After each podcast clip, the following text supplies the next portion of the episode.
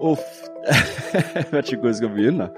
Eh, det begynte jo egentlig med at denne leiligheten her nå, nå ser den jo hvit ut, men den var egentlig clash grønn eh, i de fleste rom. Eh, den var ganske gammel, det var nedslitt, det var et par vegger det var litt hull i, og det var fullt av ting som måtte gjøres. Gulv som ikke var helt på, på selv. Dette er 22-åringen Ken Babu, som for et halvt år siden kjøpte sin første leilighet.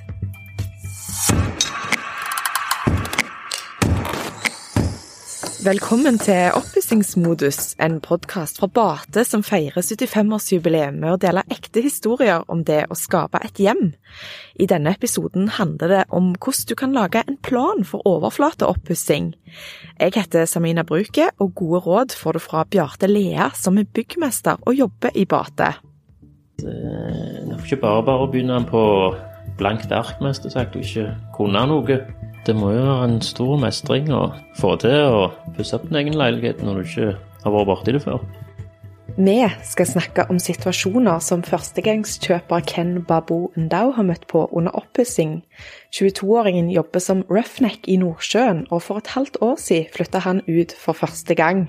Når jeg var på visning, så var jeg med min far, og så tok vi og gikk og så på et par forskjellige leiligheter og diskuterte liksom, positive ting og negative ting. og så kunne vi være veldig enige om at denne leiligheten var perfekt for det vi hadde lyst til å gjøre, og det jeg så for meg kom til å være optimal for den leiligheten, og der jeg har lyst til å bo. Stedet er Saksemarka i Stavanger, sentrumsnært og med god avstand til turområder og kjøpesenter. Borettslagleiligheten ligger i tredje etasje i ei lavblokk bygd i 1961. Den er på 80 kvadratmeter, har tre soverom og ja, vi kan si masse muligheter for rimelig pris. Så jeg har rett og slett gått på et fullt oppussingsprosjekt og skifta vegger og lagt opp gipsplater og lagt inn isolasjon i vegger og satt opp IPC-plater i stuen. Og jeg tror rett og slett det morsomste tingen jeg må fortelle om, var jo det at når jeg skulle sette opp disse IPC-platene i stuen, så gikk jeg opp og jeg målte høyden da fra platen opp til taket. Så på den ene siden så var det fire centimeter til taket. Og så går jeg jo da på andre veggen og skal måle opp, og så ser jeg 9 cm på veggen. Og jeg tenkte åh. Ja, det var skeivt. Ja, det var ganske så skeivt. Og byggmester Bjarte, er det så uvanlig? Nei, det er ikke det. I gamle leiligheter og hus er det ganske skeivt. Og i nye kan det fort bli. Så er det jo egentlig å ta ei plate om gangen, og så måle ut skjevheten, så får du tett effekt til slutt. Ja, eller du kan Det er alt etter hvor mye du gjør ut av oppussinga. Hvis du eh, skal ta tak òg, så kan du rette mesteparten med et tak. Altså lekte ned, da? Ja. Så du har egentlig ganske mange muligheter? Det er mange muligheter. Hva tror du han gjorde? Det vet jeg ikke. det er ikke godt å si. Uh, så vi måtte, jeg fikk hjelp, så vi endte opp med å ta og senke taket da med fem centimeter. Noe som var positivt, da, siden da, nå har jeg fått spotlights i takene, og det er jo kjempeflott, så jeg må jo egentlig bare se på det som hell i uhell. Han er jo superpositiv. Ja, ja, han er ganske positiv. Det er ikke verst. Men det var jo en grei løsning, det. Men da gikk han jo for å faktisk søke hjelp ja. og få det litt finere. Men jeg, jeg har jo sett det taket, det så jo veldig bra ut. Ja. Fine lys og Så bra. Ja, det er fint når du legger inn spotter i taket du vet jo egentlig ikke hvor du skal begynne, spesielt når du står på dine egne to bein. Uh, men jeg har heldigvis uh, hjulpet min egen far ganske mye uh, gjennom årene som vi har flytta og pussa opp i vår egen, eller i hans leilighet eller hans hus. Så jeg har jo fått eh, litt kunnskap her og der, og litt lærdom har jeg plukket opp. Og så satte jeg meg rett og slett sjøl en plan og måtte bare starte. Du må bare rett og slett starte. Er det det veien å gå, det å starte med å lage seg en plan? Ja. ja? Det, en plan er i grunnen halve jobben, skulle jeg si. Hvis du har planlagt jobben skikkelig, så er den lettere å utføre. Du kan jo dette, men hvis du pusser for første gang, altså Ja, lag en plan, men, men, men hva, skal, hva, skal, du gjøre da? Hva skal, hva skal, du skrive ned? Hva skal du finne ut? Du må finne ut hva, først hva du vil gjøre og hvor mye du trenger trenge av diverse material, festemidler, veggplater, skruer, lister. Og så er det i grunnen bare å gå i gang med godt mot. Med en gang du kommer hjem? Nei, det er jo ikke han må handle inn utstyret, og så må spesielt veggplater og listverk ligge inne et par dager, så de får romtemperaturen og klimatisere seg etter forholdene i huset. Er det så viktig? Ja. Hvorfor det? Hvis ikke så kan det krympe. Du får eh, fort sprikker. Så det er viktig å få romtemperaturen på dem. Ja, så det er et godt tips fra en byggmester. Ja. Eh, jeg ville sagt at jeg har fulgt planen ganske bra, men det som mange ikke tenker på, er det hva du skal gjøre når planen din ikke blir fulgt. Altså når det kommer opp nye problemer som du ikke så for deg kom til å være der. Sånn som perfekt eksempel er det taket da som vi måtte bygge ned, som var helt forferdelig. Han har gjort mye sjøl, han har tatt ansvar, men det var jo òg fordi pappaen var liksom sånn Nå er du voksen. Nå skal du vise hva du kan. ja. Skal vi høre? Og da måtte jeg ta og rett og slett håndtere mine egne problemer på min egen måte. Uh, hvis jeg trenger hjelp, så kan jeg spørre han om råd, men hovedsakelig så har jeg da tatt og måtte lært utrolig mye selv eh, om all slags mulig. Alt fra lån til eh, hvordan man tar og leier inn folk, til hvordan man tar og kjøper ting og transporterer ting. Det er en utrolig høy læringskurve. Jeg har bare lånt i hytt og pine. Det har vært eh, kaos og telefoner fram og tilbake, og jeg har lånt og jeg har kjøpt litt her og der, og det har vært egentlig kaos. Men jeg må ærlig innrømme at det har gått veldig fint med det kaoset. Det var et fint kaos. Han trives i kaos. ja. Men hva tenker byggmesteren? Er det noe verktøy som alle bør ha? Altså, eller låne alt? Ikke Det er dyrt å kjøpe inn verktøyet. Hvis du har eh, venner og bekjente, så er det mye billigere å låne. Det gjelder alt, egentlig.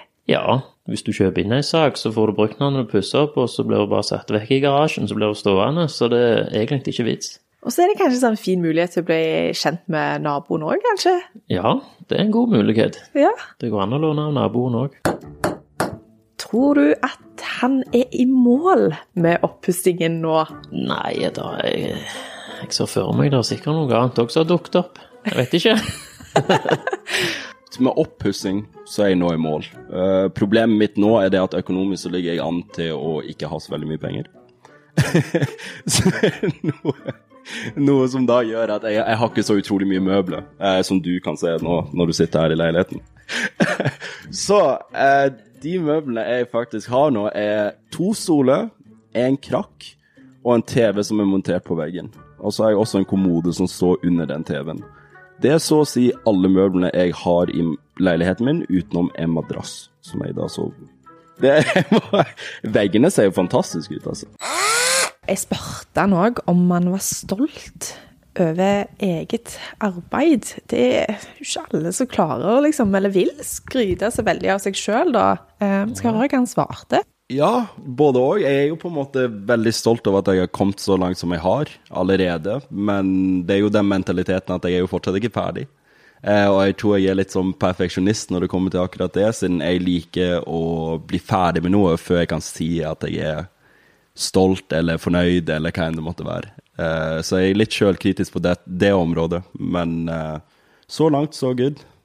Hvorfor tror du at han her har det gått så godt med gjennom oppussingen? Det er nok fordi han har, uh, har en far som har uh, stått bak han og pusha han litt. Det høres jo ut som han har gjort det i hele oppveksten, at han uh, må lære å stå på sine egne bein. Og det er jo veldig bra.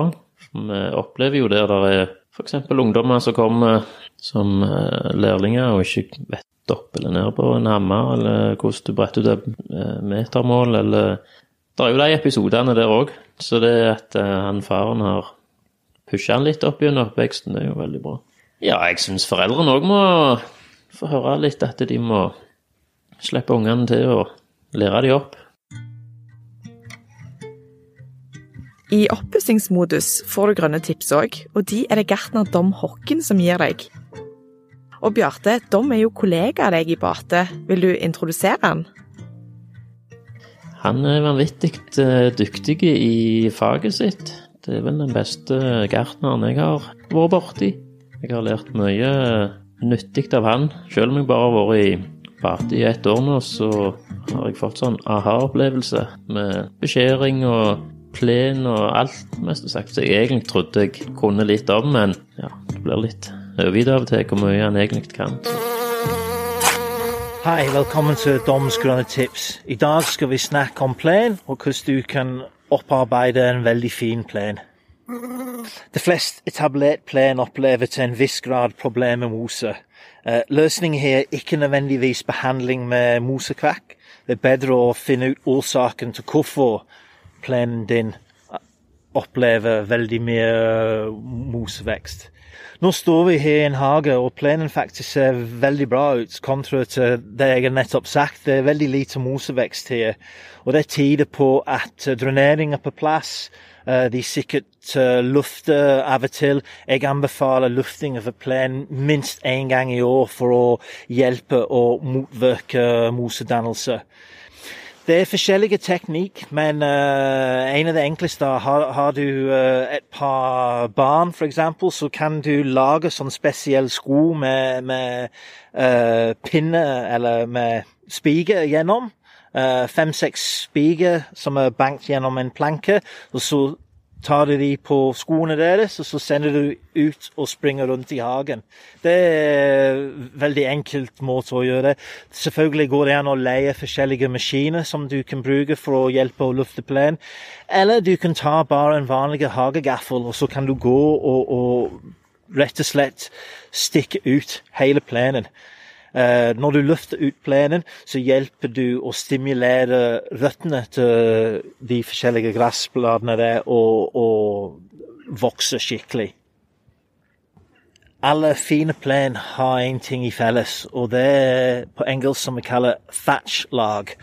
Thatch-lag er en eh, organisk lag hvor materiell er i ferd med å brytes ned.